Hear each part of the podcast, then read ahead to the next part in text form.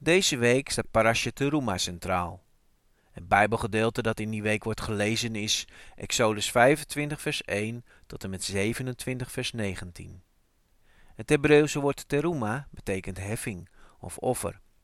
God draagt aan Israëlieten op om een offer voor hem te brengen, van goud, van zilver, tot aan verschillende kleuren klederen. En met deze attributen vraagt hij hen om een heiligdom voor hem te maken, zodat hij in hun midden kan komen wonen. De vorige parasha ging over allerlei burgerlijke en religieuze verordeningen en wetten. Maar deze parasha gaat in zijn geheel over de bouw van de tabernakel, volgens het hemelse model dat God Mozes op de berg Sinaï zal tonen. Het is Gods verlangen namelijk dat niet alleen de Israëlieten leven volgens de richtlijnen van Hem, maar dat Hij ook specifiek in hun midden wil wonen. En dat was Gods verlangen al vanaf het begin, vanaf het begin van de schepping, om een intieme relatie met de mens te hebben. In Genesis 3, vers 8 lezen we dat de stem van Jehovah in de hof van Eden wandelden. In de Targum Ongulos, een Arameense vertaling, uitleg van de Hebreeuwse Bijbel, lezen we in Genesis 3, vers 8 dat het woord van Jehovah in de hof van Eden wandelden. De reden dat de Targum Ongulos de stem van God vertaalt met het woord van God, is omdat in de tijd van de Targum de Joden het ongepast vonden om God menselijke, antropologische kenmerken toe te kennen. God kan namelijk geen fysieke kenmerken hebben zoals armen, benen en een stem.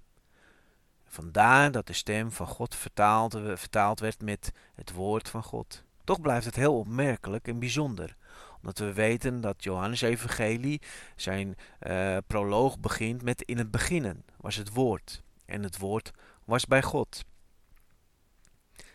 Met andere woorden, Adam en Eva wandelden dus met Yahweh, met het woord van God, in de hof van Eden.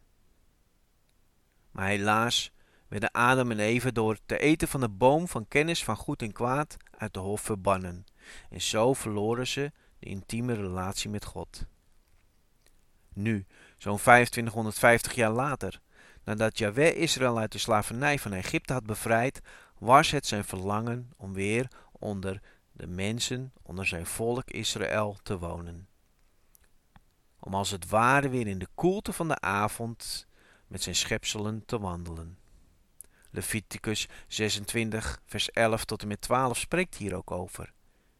En ik, zegt God, zal mijn tabernakel in uw midden zetten en ik zal geen afkeer van u hebben, maar ik zal in uw midden wandelen en u tot een God zijn, en gij zult mij tot een volk zijn.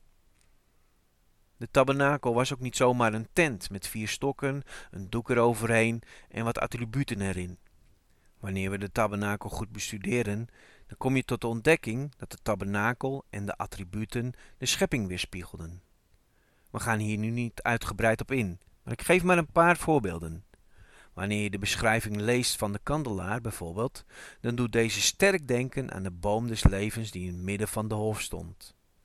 In Exodus 25, vers 31 tot 33, daar wordt gesproken over de armen van de kandelaar die gemaakt moesten worden in de vormen van amandelbloesem, met knop en bloesem en al. Met andere woorden, in de vorm van een boom. De verschillende tentkleden voor de tabernakel waren gemaakt van bonte kleuren, die op de hemel leken.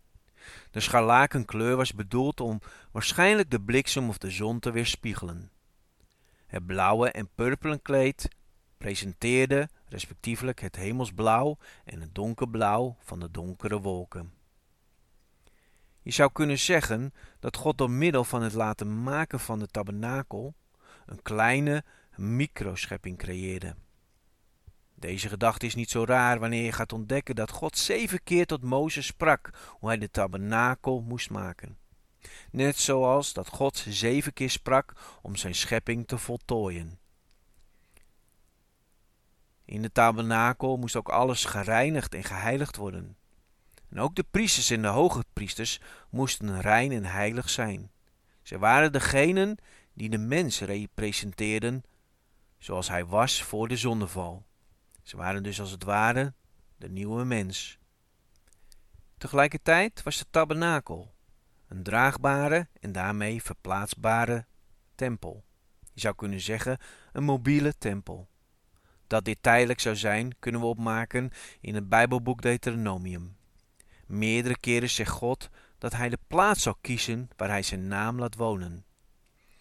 Vanuit Gods woord weten we dat uiteindelijk deze plaats Jeruzalem is geworden.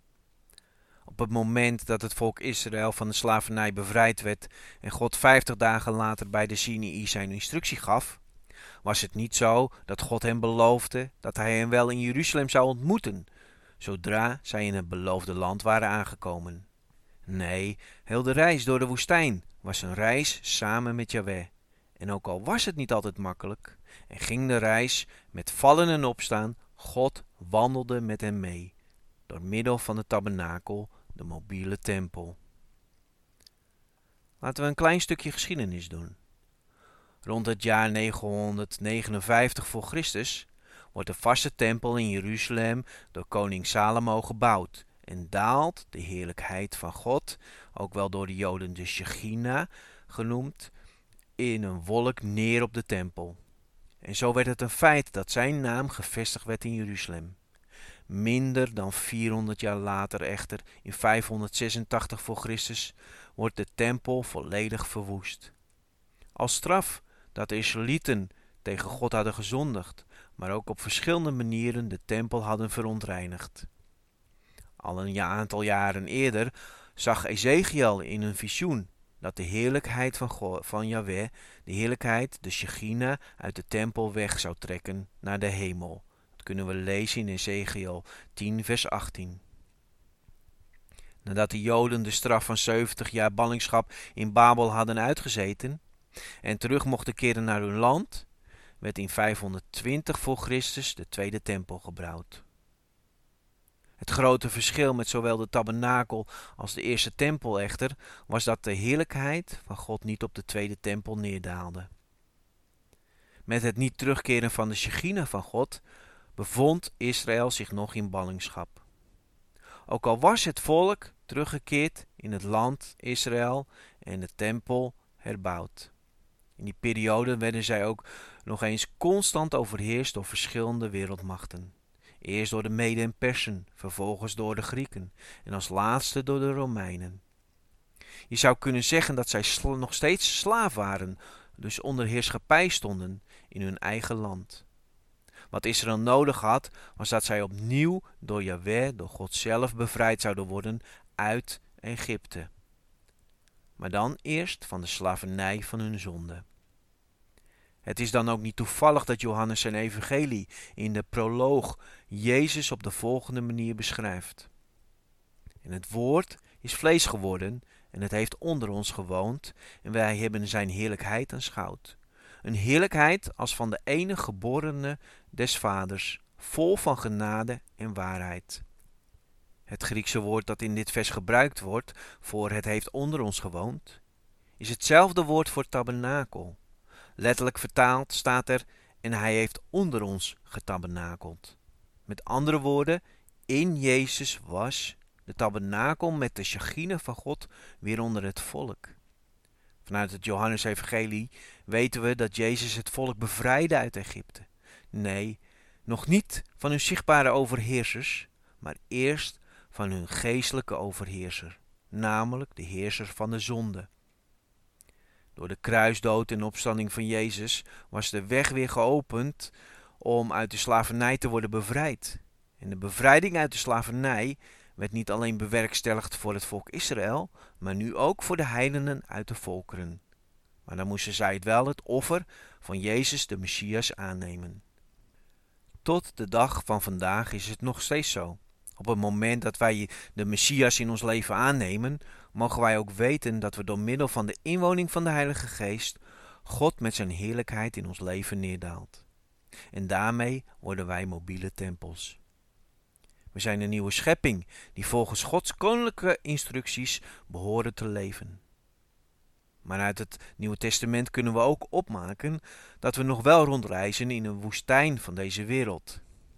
En zoals Jahweh in de woestijn in het midden van zijn volk woonde en rondreisde, zo woont Yahweh nu in de vorm van de Heilige Geest in ons midden en reist Hij met ons mee door de woestijn van ons leven in deze wereld. We zijn met alle gelovigen op weg naar het beloofde land, waar God uiteindelijk op de nieuwe aarde zijn naam in het nieuwe hemelse Jeruzalem zal vestigen. Het Bijbelboek Openbaring is hier heel duidelijk over.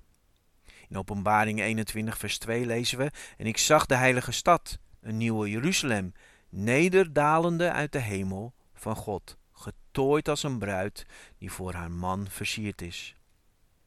Er zijn echte stromingen die beweren dat met de komst van Jezus en de vernietiging van de tweede tempel in 70 na Christus de gemeente de ware tempel is en er geen vaste plek meer op aarde zal zijn waar God zijn naam laat wonen. Ook het fysieke land Israël doet er volgens hen niet meer toe. En zij baseren zich op het gesprek die Jezus had met de Samaritaanse vrouw over waar God aanbeden moest worden. Was dit nu op de berg Gerizim in Samaria of in Jeruzalem?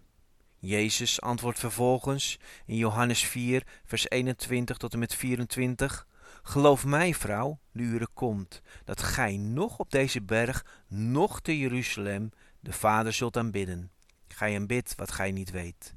Wij aanbidden wat wij weten, want het heil is uit de Joden. Maar de uren komt en is nu dat de waarachtige aanbidders de Vader aanbidden zullen in geest en in waarheid. Want de Vader zoekt zulke aanbidders. God is geest, en wie hem aanbidden, moeten aanbidden in geest en in waarheid. Het lijkt hier dat Jezus daadwerkelijk zegt dat het helemaal niet meer uitmaakt waar we God aanbidden.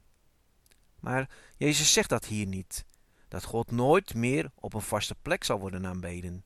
Wat hij wel zegt is dat de uren komt, dus dat het een moment zal zijn en dat even God niet op een vaste plek aanbeden zal worden. Maar we weten dat God trouw is aan zijn belofte, aan zijn heilsplan en aan het volk Israël. En dat betekent dus dat ook, zoals we in Openbaringen 21 vers 2 hebben gelezen, dat in de toekomst Gods naam weer in Jeruzalem gevestigd zal zijn. Vanuit het gezichtspunt van Genesis zou je kunnen zeggen dat Israël als type van Adam uit de Hof van Eden, uit het beloofde land Israël werd verbannen. Na de verwoesting van de Tweede Tempel in 70 na Christus en de opstand van Kochba in 135 na Christus werd het namelijk ook de Joden verboden zich langer in Jeruzalem te vestigen. Op die manier begon Gods heilsplan opnieuw met Israël. Nu echter zal Yahweh in zijn zoon Jezus, de Messias, het heilsplan zelf tot uitvoer brengen. Maar dit betekende wel dat de weg opnieuw afgelegd moest worden van het bevrijd worden uit Egypte, uit deze wereld, de reis door de woestijn waarin we nu bevinden, waarbij God zelf zal meereizen in een mobiele tempel tot aan het begeleiden van zijn volk naar het beloofde land, de nieuwe aarde en hemel, om daar voor eeuwig zijn naam in Jeruzalem te vestigen. Als volgelingen van Jezus de Messias zijn wij nu een mobiele tempel voor God. Het is dan ook aan ons de opdracht om deze schat, zijn heerlijkheid, in onze adenvat, in ons lichaam aan de wereld te tonen. Als gelovigen zijn we daarom ook geroepen om priesters te zijn, mobiele priesters, zo zegt Petrus. In 1 Petrus 2, vers 9 kunnen we dat lezen. En Paulus zegt in zijn woord dat God ons de bediening van de verzoening heeft gegeven om de wereld met God te verzoenen. Dat staat in 2 Korinthe 5, vers 17 tot 21. En dan is nu aan jou de vraag: Wil jij jouw lichaam, jouw leven tot een heiligdom, tot een tempel, een mobiele tempel maken, zodat Hij in jouw midden zou kunnen wonen?